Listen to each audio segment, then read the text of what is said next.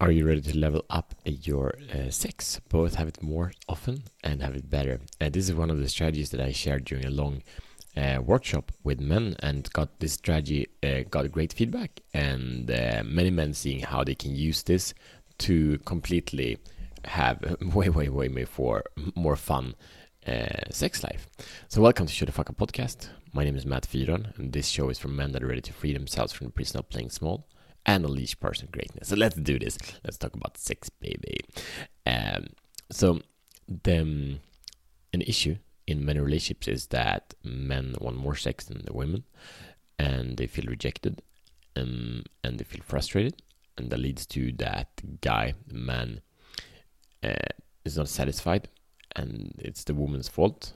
Uh, it feels like that anyway, and then he wants to he, wants to have something from her, and he's in a needy spot where she's the one that can grant him sex, and uh, he is the one to be gifted to. And the dynamic of this is very much the dynamic of a little boy that needs his amazing mom to take care of him because he's not okay by himself.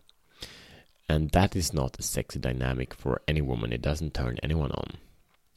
So the way we transform this and make us as men more attractive is to switch it around. So of course we if you come from the place of neediness, you need to to manage that, and you can do that by by learn to manage your sexual energy, um, by grounding yourself, by meditation, by working out. But you can do a lot of things to do that.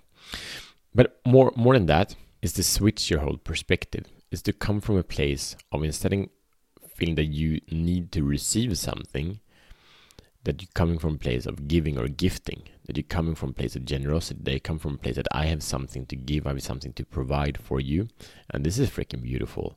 Uh, so I come with to you with this energy, with my passion, with my care, with my attentiveness, and um, this is my gift to you.